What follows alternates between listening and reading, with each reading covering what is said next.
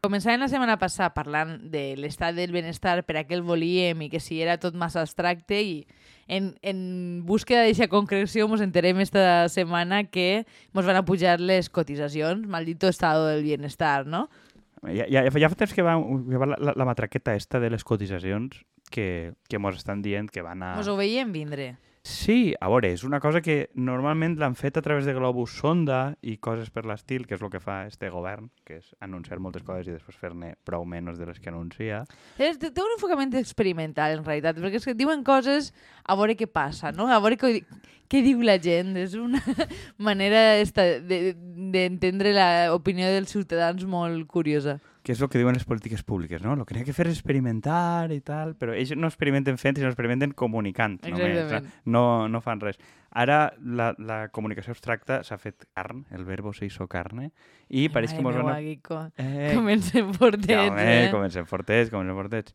I, I això, i de sobte pues, sembla que van a pujar eh, 5, 0,4 o 5%. De... Sí, més a les empreses que als treballadors, però en la pràctica sobre cotització de treballadors, el qual cosa implica que en la pràctica eh, bueno, és una cosa que d'una manera o altra acaben traslladant el salari, una cosa per l'estil, perquè, claro, depèn, la paguen les empreses, però depèn de la cotització del treballador, i els autònoms com nosaltres, tachant, A la tachant, puta tachant... merda. Mira, és que vaig a fer-me fatxa al final, perquè no, no, no es pot dir que està mal que les cotitzacions siguin an- tan altes si som empresaris, doncs pues mira, a la puta merda tot, sincerament. És que este és un tema que em cabreja especialment, eh?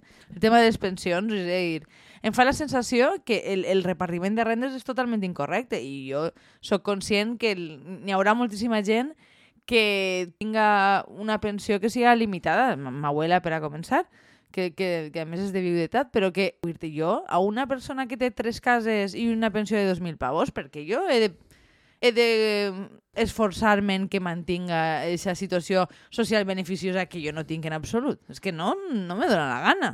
Jo crec que l'oient mitjà no s'havia donat a aquestes altures del programa que Andrea detesta als pensionistes, a la gent d'avançada edat i, a ser possible, els homes més encara, que, cosa que comparteix plenament, no? Però, vull He de dir però- una cosa en la meva defensa. He de dir una cosa, que és que probablement, si hi haguera més gent de determinada edat, eh, la subsistència dels quals no anara a regar sobre les meves esquenes, jo no seria tan gerontòfoba. O sigui, jo, de fet, sóc una persona que en un, qualsevol pel·lícula veu un senyor major i jo ja plore, perquè a mi em generen simpatia a la gent major. Però, és a dir, això ja és un, un moment d'una guerra civil que en contra entre classes és, és entre generacions. Els vuelos em generen simpatia fins que em toquen la cartera. És una miqueta a nivell titular, no? Us Però és que quedaríem- al revés és igual, és a dir, jo sempre tingut clar que si ma abuela, que en pau descanse, haguera de eh, a, a, sacrificar la seva pensió a mi, ho tindria, però clar. I no crec que sigui, és a dir, penseu vosaltres en els vostres vuelos i vuelos corresponents, quina seria, quin, quina seria la decisió? Jo, igual, igual això genera eh, pròxims a Nadal un debat que no volem No, obrir. no, eh. A mi no va que estem a 18 de novembre, no 18 de desembre, perquè això seria cuento de Navidad de Dickens. O sigui, arriba Nadal i els vuelos sacrifiquen la pira funerària no, als seus nets perquè els han dit que a lo millor el govern els abaixa la pensió. Jo crec que, bueno, més enllà del, del el, el, l'odi que, que diem, crec que la qüestió de classe i la qüestió d'edat té molt a veure, té molt a veure en el que diem sempre de, le, de la qüestió de les propietats, i té a veure en que acabem tenint un sistema fiscal que jo crec que sobretot és que és molt regressiu i poc redistributiu.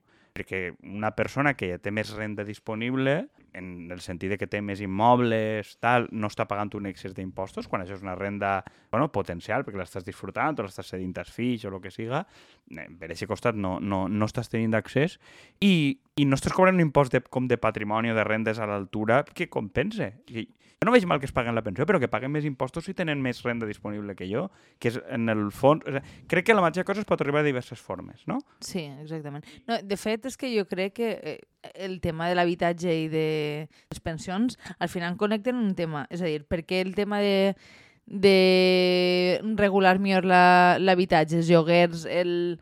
Jo crec que hi ha, una sèrie de temes que són tabús i que al final sempre fan referència a, la, a les mateixes persones tenen una prioritat exclusiva per a aquest sistema perquè són els votants principals del PSOE. Em sap greu dir-ho, però Eh, el PSOE del PP... tam- sí, bueno, jo ho dic perquè són els que estan governant en aquests moments. Sí, també existeix. El que passa és que sí que existeix la certa anomalia de que lo normal, diguem que tenen un per, tindrien un perfil com més conservador en lo pràctic, a nivell de eh, pla de pensions, eh, fiscalitat, tal, que, que són, probablement són els valors, ideològicament estan més a de, prop i de la de dreta. canvis i de canvis socials. És a Sí, dir, quan i- més major et fas, està garantit pràcticament que hi ha gent determinats canvis socials que no veus en bons ulls. Clar, però d'alguna manera el que estem fent és que artificialment la socialdemocràcia clàssica, en el benentès de que el PSOE segueix sent això, eh, manté artificialment fora del seu teòric ideari, que ja sabem el que pot complir l'ideari, però una sèrie de gent que en teoria no hauria tindre alinear, no? per les coses en les que teoria defensa el programa, i ho fa mantenint pues, el pla de pensions,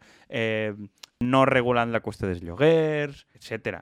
El problema que hi ha en aquest tema és que eh, em fa la sensació que els pensionistes tenen una dimensió molt major de classe que tenen la gent jove, per exemple. Vull dir que tu no votes en funció de joventut, mentre que pensa que els pensionistes sí que voten en funció de ser pensionistes, i que és una guerra que tenim a perdre, perquè bàsicament tens una població envellida en la qual eh, una qüestió de números bàsica, n'hi ha menys gent jove, i el mateix problema que en teoria tenim en les pensions, que bueno, que això és una cosa que ara tractarem en més detall, no? Però eh, el, tenim en, en, en el tema dels votants, és a dir, tu mai pots fer que la teua les teues prioritats siguin prioritats electorals i fins i tot en el cas en què tota la gent jove tinguera un interès polític tremendo. I això ho veus en, en quins són els percentatges de vots en cada segment eh, poblacional, saps?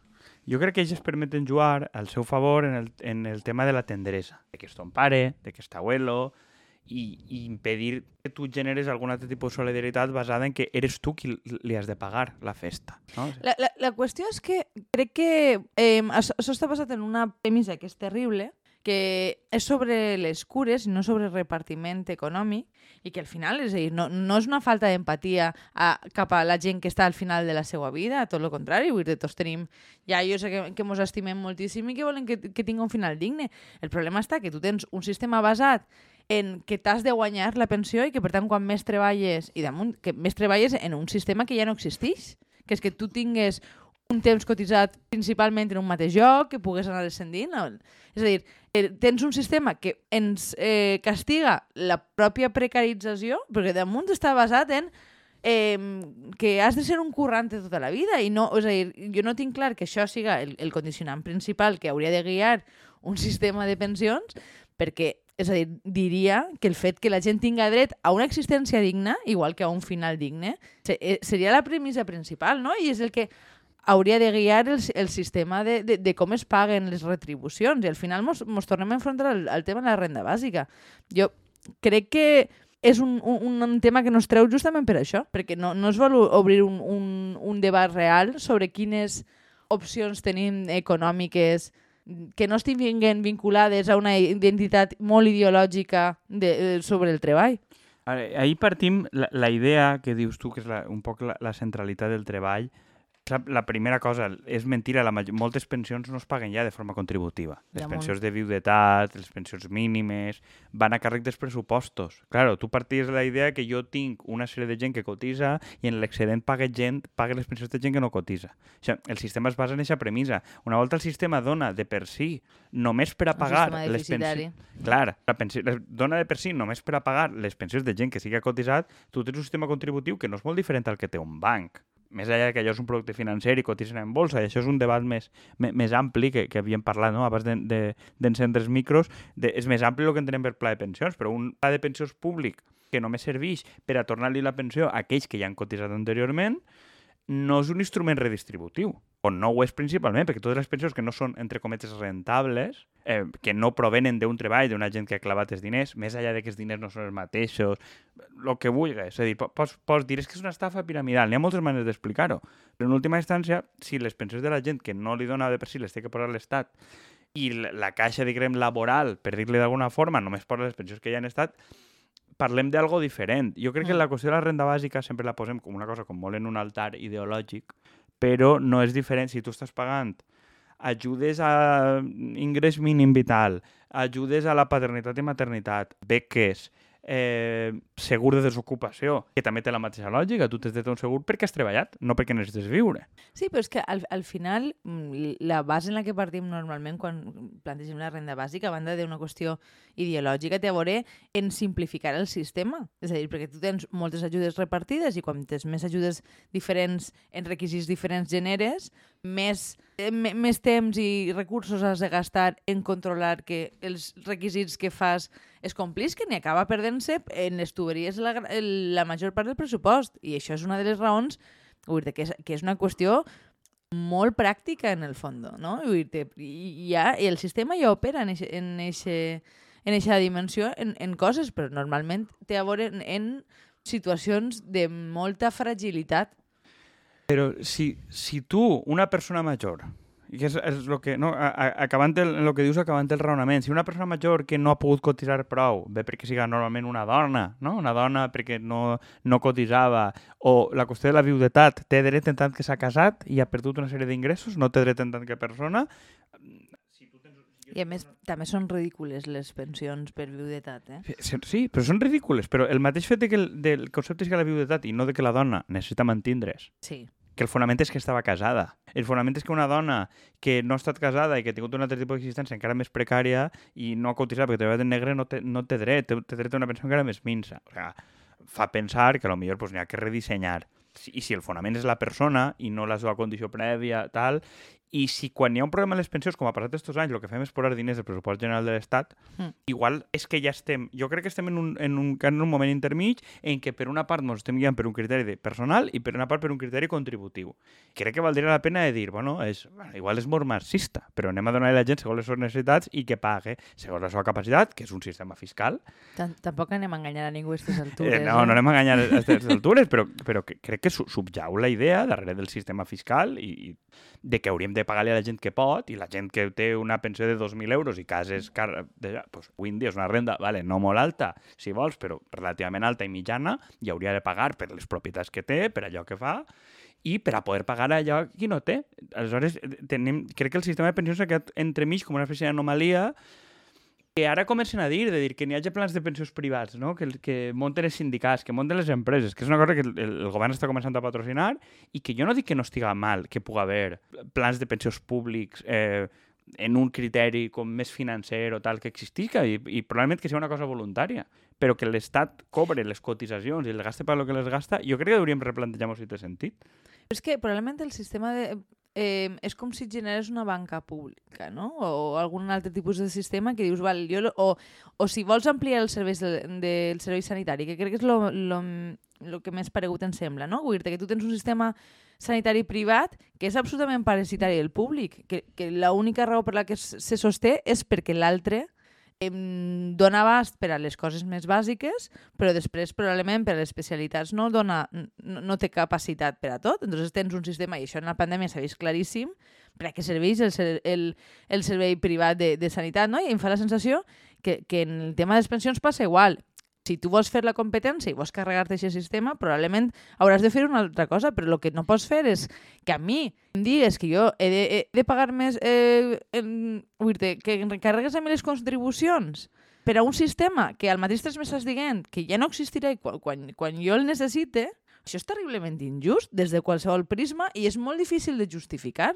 ni, ni, ni, ni apel·lant als pobres gulers que es moren, em sap greu, però és que no hi ha manera de, de justificar-ho per a una persona que està passant penúries, com la major part dels nostres quintos.